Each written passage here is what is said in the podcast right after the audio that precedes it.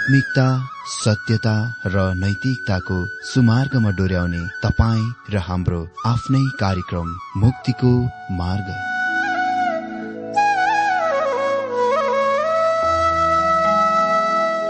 आदरणीय श्रोता यस मुक्तिको मार्ग कार्यक्रममा हार्दिक स्वागत छ। आशा छ यस आत्मिक कार्यक्रमद्वारा जीवनमा आत्मिक आशिष अलौकिक शान्ति र आनन्द प्राप्त गर्नुहुनेछ। र जीवनमा धन्य अनुभव गर्नुहुनेछ। आउनुहोस् श्रोता। मन र आत्माको तयारीको लागि यो मिठो अनि मधुर भजन गीत सुनौ।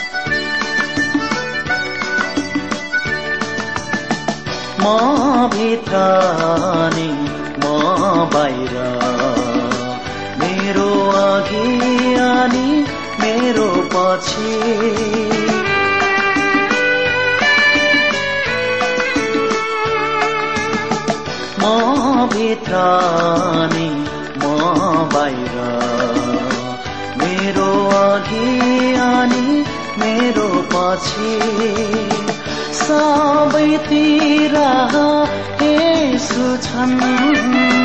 सबैतिर यसु छन्। मेरो लागि मेरो लागि मेरो लागि मेरो लागि एक्लो छैन म।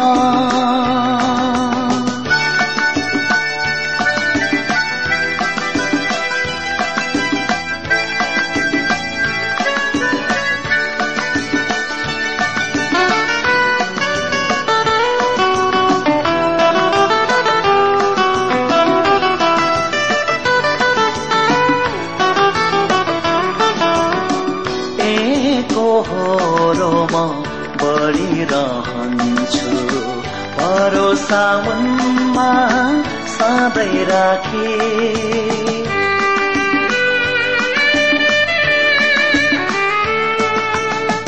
एकोहोरोमा बढिरहन्छु। भरोसा उनमा सधैँ राखे। सबै थोकुन् हुने नै। सबै थोकुन् हुने नै मेरो लागि मेरो लागि मेरो लागि मेरो लागि एक्लो छैन म यसु साथमा छन्। एक्लो छैन म यसु साथमा छन् अन्तिम सासम्म उनले हेर्दछन् अन्तिम सासम्म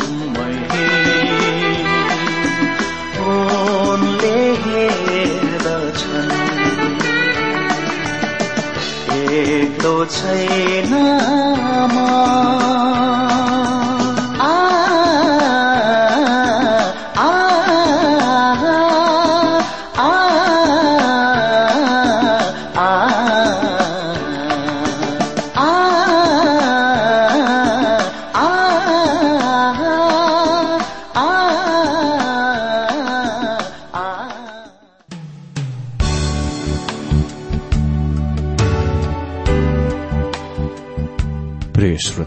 यो प्रसारण मार्फत यो अवगत गराउन चाहन्छौ कि प्रभुको सेवाको लागि यहाँहरूको साझेदारी नित्यन्त आवश्यकता छ। यहाँहरूले प्रार्थनाको साथसाथै आर्थिक सहायता गर्न अनुरोध गर्दछौ। तपाईँहरूको सानो भन्दा सानो भेटी किन नहोस्? हामी प्रभुको नाममा स्वीकार गर्नेछौ प्रभुको सेवाको लागि। तपाईँहरूको यो सानो लगानीले कसैको जीवनमा भिन्नता ल्याउँछ अनि प्रभुको महिमा हुन्छ। प्रभु तपाईँहरूलाई महान गरी आशिष दिनुहुनेछ। इच्छुक श्रोताहरूले तपाईँको इच्छा भेटी हाम्रो ठेगानामा पठाउन सक्नुहुन्छ जुन ठेगाना हामी कार्यक्रमको अन्तमा दिनेछौ। प्रिय श्रोता मित्र प्रभु येशु ख्रिष्टको मधुर अनि सामर्थ्यनामा मेरो जयमसी साथै आजको यो बाइबल अध्ययन कार्यक्रममा हार्दिक स्वागत गर्न चाहन्छु। श्रोता आज हामी बाइबल अध्ययन दोस्रो पत्रुस एक अध्यय सोह्रदेखि एक्काइस पदबाट अध्ययन गर्न गइरहेका छौं। हामी यहाँ मुख्य विषयको रूपमा देख्नेछौ शास्त्रहरूका अधिकार पूरा भइसकेका भविष्यवाणीद्वारा प्रमाणित हुँदछ। पत्रुसमीलाई पहिले नै भनिसकेका छन् कि हामीले हाम्रा बोलावट र चुनावको पक्का गर्नलाई बढ़ी प्रयत्न गर्नुपर्दछ। र हामीले यो थाहा पाएको उनी चाहन्छन् कि हामीसँग अधिकार छ जुनमा हामी आश्रित हुन सक्छौ निर्भर हुन सक्छौ। कसैले सोच्ला कसरी तपाईँ जान्नुहुन्छ कि बाइबल वास्तवमा परमेश्वरको वचन हो? दोस्रो पत्रुस एक अध्यय सोह्र पदमा यस प्रकार लेखिएको छ किनकि हामीले तिमीहरूलाई हाम्रा प्रभु येशु ख्रिष्टको महाशक्ति र आगमनको समाचार दिँदा धूर्ततासँग रचिएका दन्त्य कथाहरूको हामीले अनुसरण गरेनौं। तर उहाँको वैभव प्रत्यक्ष देख्ने हामी साक्षी हौ। यो देख्नलाई हाम्रो निम्ति अति नै महत्वपूर्ण कुरा हो। हामीले चतुरैसित कथिएका दन्त्य कथाहरूको अनुसरण गरेका छैनौं। बाइबल झुटहरूको पोका होइन। बाइबलले असत्य कथा बताउँदैन। बाइबल मिथ्या विषय वा कल्पित कथा होइन। बाइबल ऐतिहासिक र वास्तविक हो। यदि तपाईँ इमान्दारी हुनुहुन्छ र आफ्ना पापहरूको त्याग्न चाहनुहुन्छ भने परमेश्वरले यसको तपाईँलाई वास्तविक बनाइदिनुहुनेछ। यदि तपाईँका आँखाहरूमा पर्दा परेका भने तपाईँ मानसिक रूपमा अन्धा हुनु भएकोले यो भएको होइन। यो यस कारणले भएको हो किनभने तपाईँ आफ्ना पापहरूको त्याग्न चाहनुहुन्न। जब तपाईँ र म त्यो गर्न इच्छुक हुन्छौ परमेश्वरले बाइबलको हामीलाई वास्तविक बनाइदिनुहुनेछ। तर उहाँको प्रतापलाई आफ्नै आँखाले देखेका थियौं। यहाँ भन्छन् तर उहाँको वैभव प्रत्यक्ष देख्ने हामी साक्षी छौं। अहिले म तपाईँलाई भन्दछु। यो चाहिँ सिमोन पत्रुसले येशु ख्रिस्टको रूपान्तरण वा रूप परिवर्तनको संकेत गरिरहेछन् जुन हामी सुसमाचारको पुस्तकमा देख्छौ। भनिएको छ किनकि हामीले तिमीहरूलाई हाम्रा प्रभु येशु ख्रिस्टको महाशक्ति र आगमनको समाचार दिँदा धूर्ततासँग रचिएका दन्त्य कथाहरूको हामीले अनुसरण गरेनौ तर उहाँको वैभव प्रत्यक्ष देख्ने हामी साक्षी छौं। अनि सत्र र अठार पदमा उहाँले परमेश्वर पिताबाट आदर र महिमा प्राप्त गर्नुभयो जब त्यस तेजस्वी महिमाबाट एउटा बाणी निस्किआयो यिनी मेरा प्रिय पुत्र हुन् जससँग म अति प्रसन्न छु। त्यस पवित्र डाँडामा हामी उहाँसँग हुँदा स्वर्गीयबाट आएको त्यो बाणी हामी आफैले सुनेका थियौं। देख्नुभयो पत्रुसले यस खण्डमा प्रभु येशु ख्रिष्टको रूप परिवर्तन भएको उहाँको रूपान्तरणको संकेत गरिरहेका थिए। यसको रेकर्ड हामी नयाँ नियमको मती सत्र अध्यायमा पाउँदछौ। हामीले यस घटनाको महत्व र अर्थको बुझ्न आवश्यक छ। मती सोह्र अध्याय अठाइस पदमा प्रभु येशुको तात्पर्य के थियो? यहाँ लेखिएको छ म तिमीहरूलाई साँचो भन्दछु। यहाँ उभिरहेकाहरूमध्ये कतिजना छन् जसले मानिसका पुत्रलाई आफ्नो राज्यमा आइरहेको नदेखुन्जेल कुनै रीतिले मृत्युको स्वाद चाख्दैनन् यस कुराले कोही कोहीलाई यस कुराको दावी गर्न प्रेरित गर्यो कि राज्यको यस बिन्दुमा यस पोइन्टमा राम्ररी स्थापित गरियो। अभाग्यवश मतीको लेख वा विवरणमा हामीसँग यस पोइन्टमा वा बिन्दुमा यो सोह्र अध्यायको अन्त्य छ। यो कुराको याद राखौं कि खास मौलिक लेखोटहरूमा कुनै अध्यायहरू छैन। विवरण निरन्तर अगाडि बढ्छ। मती सत्र अध्यायको एक र दुई पदमा अनि छ दिनपछि येशोले पत्रुस याकुब र उनका भाइ युहन्नालाई लिएर उनीहरूलाई एउटा अग्लो पहाड़माथि एकान्तमा लैजानुभयो। अनि उनीहरूको सामु उहाँको रूप परिवर्तन भयो अनि उहाँको चेहरा सूर्य झैं चम्कियो अनि उहाँका वस्त्रहरू ज्योति जस्तै सेता भए। येशु ख्रिष्टको रूप परिवर्तन भावी राज्यको सानो तस्विर थियो। मोसा र एलिया त्यहाँ ख्रिससँग प्रकट भएथे मोसाले पुरानो नियममा व्यवस्थाको प्रतिनिधित्व गर्दथ्यो। एलियाले पुरानो नियममा भविष्य वक्ताहरूको प्रतिनिधित्व गर्दथ्यो। तिनीहरूको बारेमा तिनीहरू के को बारेमा छलफल गरिरहेका थिए कुराकानी गरिरहेका थिए त त्यहाँ। तिनीहरू ख्रिस्टको मृत्युको बारेमा उहाँको प्रस्थानको बारेमा उहाँ यो संसारको कोठाबाट परमेश्वरको उपस्थितिमा सर्ने कुराका बारेमा छलफल गरिरहेका थिए। त्यसकै बारेमा तिनीहरूले पुरानो नियममा लेखे र त्यही नै रूप परिवर्तनको समयमा तिनीहरूले छलफल गरिरहेका थिए। त्यसपछि त्यहाँ त्यो रूप परिवर्तनको अवलोकन गर्न त्यहाँ तीन चेलाहरू उपस्थित थिए। तिनीहरूले जीवित सन्त वा पवित्र जनहरूका प्रतिनिधित्व गर्दछन्।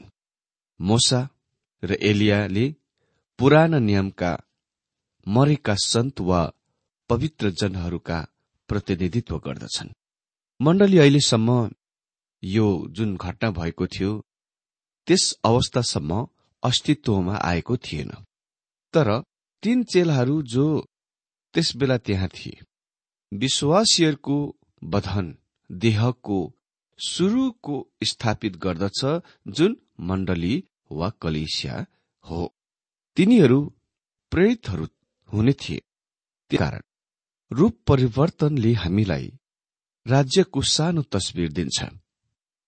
रूप परिवर्तनपछि तत्कालै येशु ख्रिष्ट र चेलाहरू पर्वतबाट तल ओर्ली झरे र तिनीहरूले त्यहाँ तल दुष्ट आत्माले ग्रसित व्यक्तिलाई भेटाए। अरू चेलाहरू त्यस केटालाई सहायता गर्न केही गर्न सकेनन्। रमिता मात्र हेरिरहने र अवलोकन गर्ने मानिसहरू ती चेलाहरूलाई खिसी गरिरहेका थिए मजाक उडाइरहेका थिए। त्यो चाहिँ वर्तमान दिनको तस्विर हो। राज्य चाहिँ क्षणिक विराममा छ। येशु ख्रिस्ट परमेश्वरको दाहिने हातमा हुनुहुन्छ अनि सम्पूर्ण पुरानो र नयाँ नियमकान्तहरू वा पवित्र जनहरू जो उहाँभन्दा पहिले गइसकेका छन् उहाँसँग छन्। जबकि तल यहाँ पृथ्वीमा हामी सैतानिक ग्रसित संसारमा रहिरहेका छौं। यदि तपाईँ यस कुरामा सन्देह गर्नुहुन्छ भने अखबार पढ्नुहोस् टिभी हेर्नुहोस् वा रेडियो सुन्नुहोस्। संसार भयानक गन्दगीमा छ। र समस्यामा छ। मण्डली कलिसियासँग यस संसारको निम्ति आशा र शक्ति सन्देश हुनुपर्ने।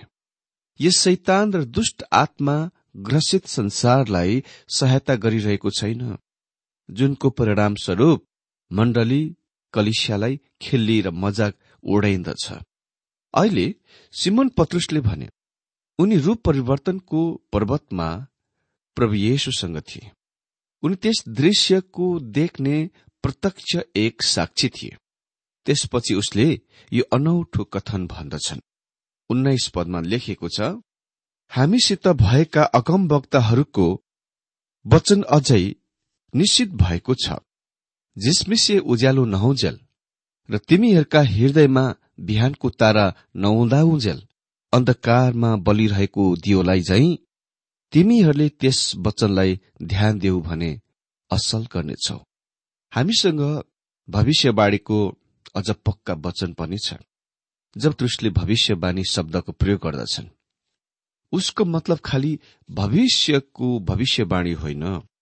जब उसले अगम वक्ताहरूको वचन अझ निश्चित भएको छ भन्छन् जब पत्रुसले यो शब्दको अगमबाडी शब्दको प्रयोग गर्दछन् उसको मतलब खालि भविष्यको भविष्यवाणी होइन। यद्यपि उसले त्यसको सम्मिलित गरे तापनि उसको मतलब चाहिँ सम्पूर्ण परमेश्वरको वचन हो।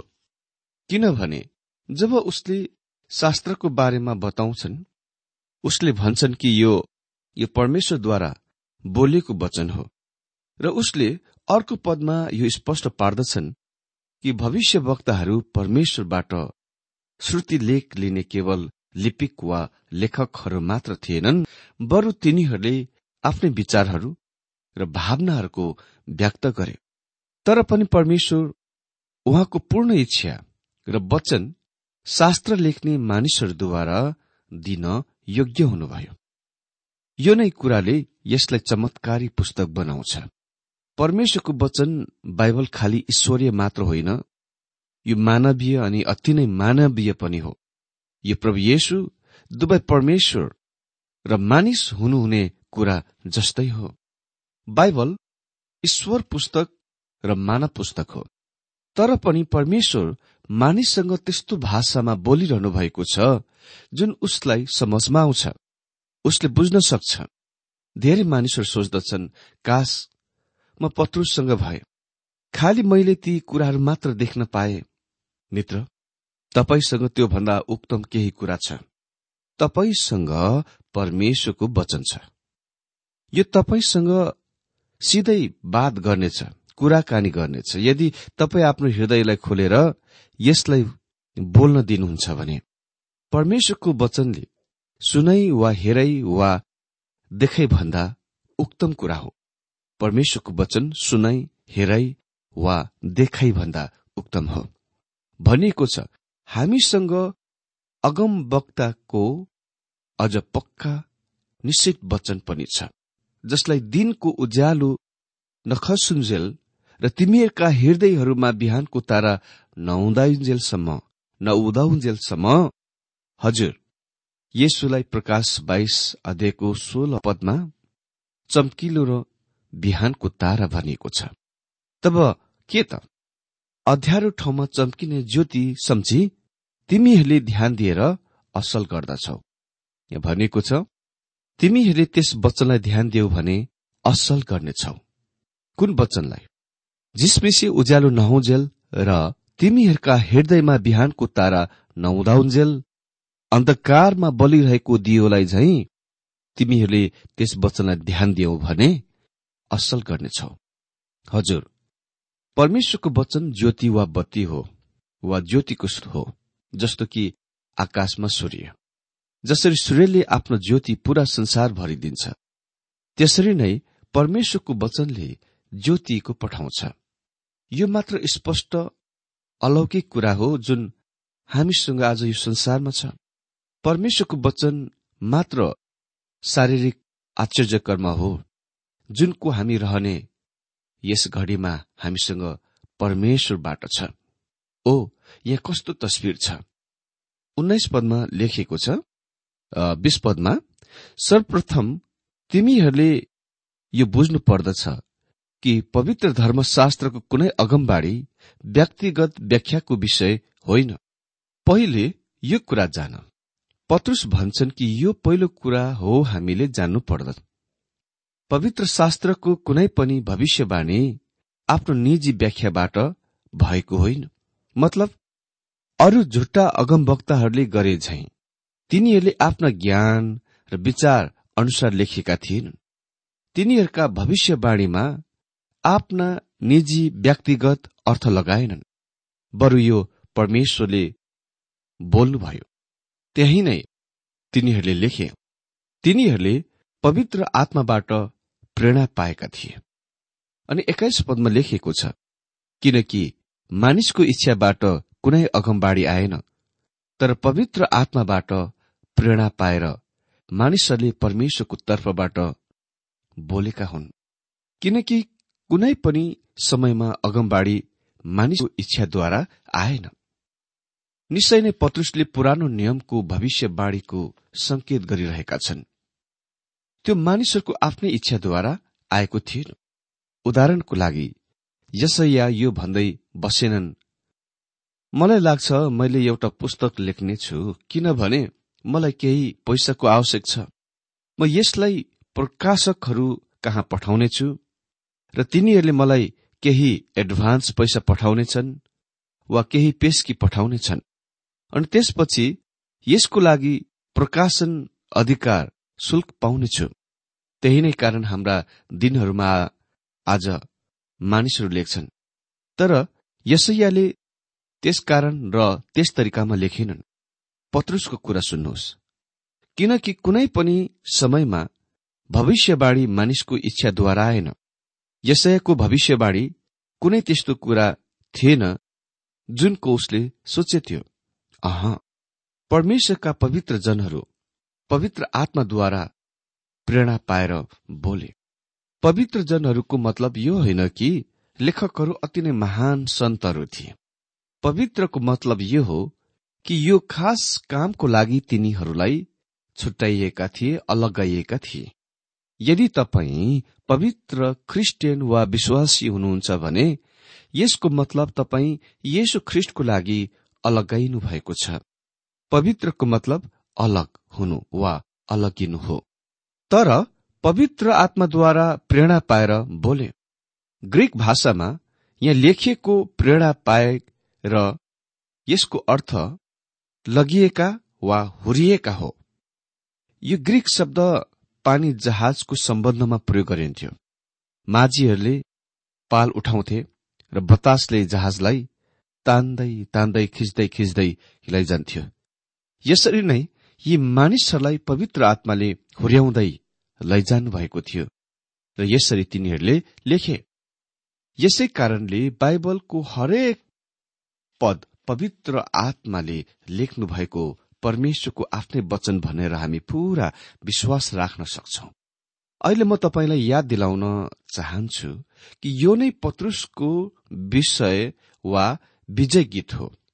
र पाउल जस्तै उसको विजय गीतमा उसले सत्य विश्वास त्यागका दिनहरूको लागि परमेश्वरको वचनको महत्वको जोड़ दिन्छन्। पावलले भने दोस्रो तिमती तिनको सोह्र पदमा सम्पूर्ण शास्त्र परमेश्वरको प्रेरणाद्वारा दिइएको छ। हजुर पत्रुस भनिरहेका छन् शास्त्रका लेखकहरू पवित्र आत्माद्वारा प्रेरणा पाएथे। विचार बिल्कुलै एउटै हो।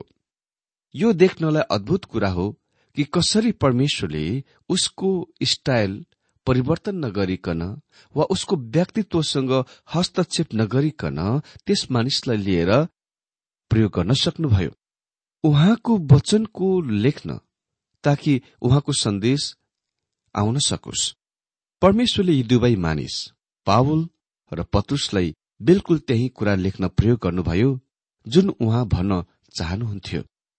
परमेश्वरले आफ्नो वचन विभिन्न व्यक्तित्वहरू र विभिन्न शिव कलाहरूका मानिसहरूद्वारा उपलब्ध गराउनु भएको छ। यही कारण म यसलाई मानवीय पुस्तक अनि ईश्वरीय पुस्तक भन्दछु। लिखित वचन जीवित वचन प्रभु येशु जस्तै दुवै मानवीय र ईश्वरीय हो। प्रभु येशु लाजरसको चिहानमा रुन सक्नुभयो। तर उहाँले मरेकोलाई उठाउनु पनि सक्नुभयो। उहाँ इनारमा आउनुभयो र त्यहाँ बस्नुभयो किनभने उहाँ थाक्नु र तिर्खाउनु भएको थियो। तर उहाँले दिन अभाग पापीलाई जीवनको पानी पनि दिन सक्नुभयो। उहाँ नौमा डुङ्गामा सुत्न सक्नुभयो। तर उहाँले समुद्रिक तुफान र आँधीलाई शान्त गराउन पनि सक्नुभयो। प्रभु येशु मानिस हुनुहुन्थ्यो तर उहाँ परमेश्वर पनि हुनुहुन्थ्यो। अनि बाइबल दुवै मानवीय र ईश्वरीय हो। सिमन पत्रुस हामीलाई भनिरहेका छन् कि हामीसँग भविष्यवाणीको अझ पक्का वचन पनि छ। उसले हामीलाई पक्का चट्टानका हाम्रा खुट्टा मुनि राख्छन्। शास्त्रहरू नै केही त्यस्ता कुराहरू हुन् जुनमा हामी पूर्ण भरोसा गर्न सक्छौ। मित्र हामीसँग भएको शास्त्र ठोस जग वा आधार हो जुनमा हाम्रा विश्वास आश्रित हुन्छन् र आश्रित हुनुपर्छ। र हामी परमेश्वरको वचनमा आश्रित हुन सक्छौ।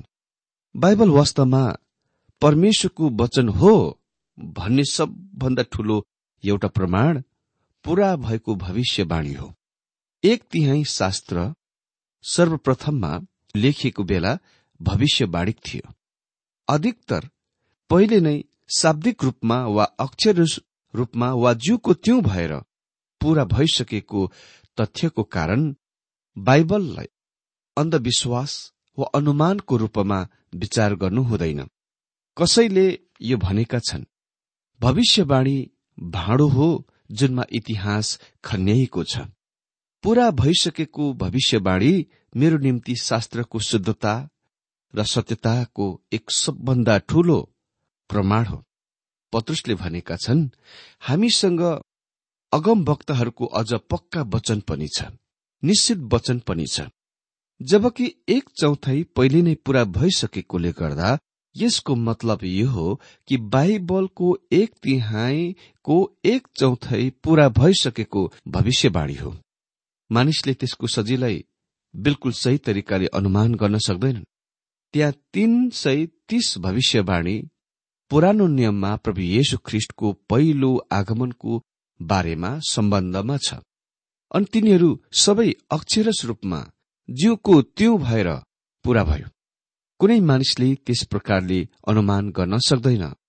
मित्र यो मेरो निम्ति सबभन्दा ठूलो प्रमाण हो कि बाइबल परमेश्वरको जीवित वचन हो।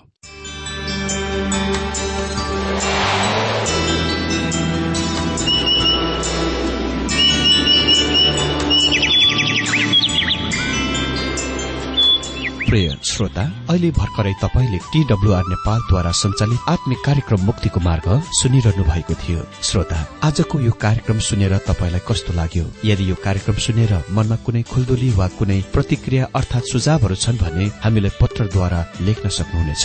हामी हृदयदेखि नै स्वागत गर्नेछौ स्वीकार गर्नेछौ साथै बाइबल सम्बन्धित प्रचारहरू कार्यक्रम सारणीहरू हामी अनुरोधमा पठाउन सक्छौ। अनि तपाईँसँग कुनै प्रार्थनाको विषय छन् भने हामीले तपाईँको लागि प्रार्थना गरेको चाहनुहुन्छ। भने प्रभुमा आफ्नै परिवार सम्झेर हामीलाई पत्रमा लेख्न सक्नुहुनेछ। तपाईँको लागि हामी प्रभु येशुसँग प्रार्थना गर्नेछौ। अधिक जानकारी र पत्रचारको लागि हाम्रो ठेगाना यस प्रकार छ। कार्यक्रम मुक्तिको मार्ग जीपीओ नम्बर उनानब्बे पचहत्तर इपिसी पच्चिस एकसठी काठमाडौँ। ठेगाना एकपल्ट सुन्नुहोला कार्यक्रम मुक्तिको मार्ग जीपीओ नम्बर उनानब्बे पचहत्तर इपिसी पच्चिस एकसठी काठमाडौँ। हाम्रो इमेल एड्रेस हो TWR Nepal at Yahoo dot com साथै यस नम्बरमा एसएमएस गर्न सक्नुहुनेछ अन्ठानब्बे चार सत्तरी पैतिस छ सय उनासी नौ आठ चार सात जिरो तीन पाँच छ सात नौ। हुन्छ श्रोता आजलाई हामी विदा चाहन्छौ। अर्को कार्यक्रममा हामी पुनः भेट्नेछौ तबसम्मलाई नमस्कार।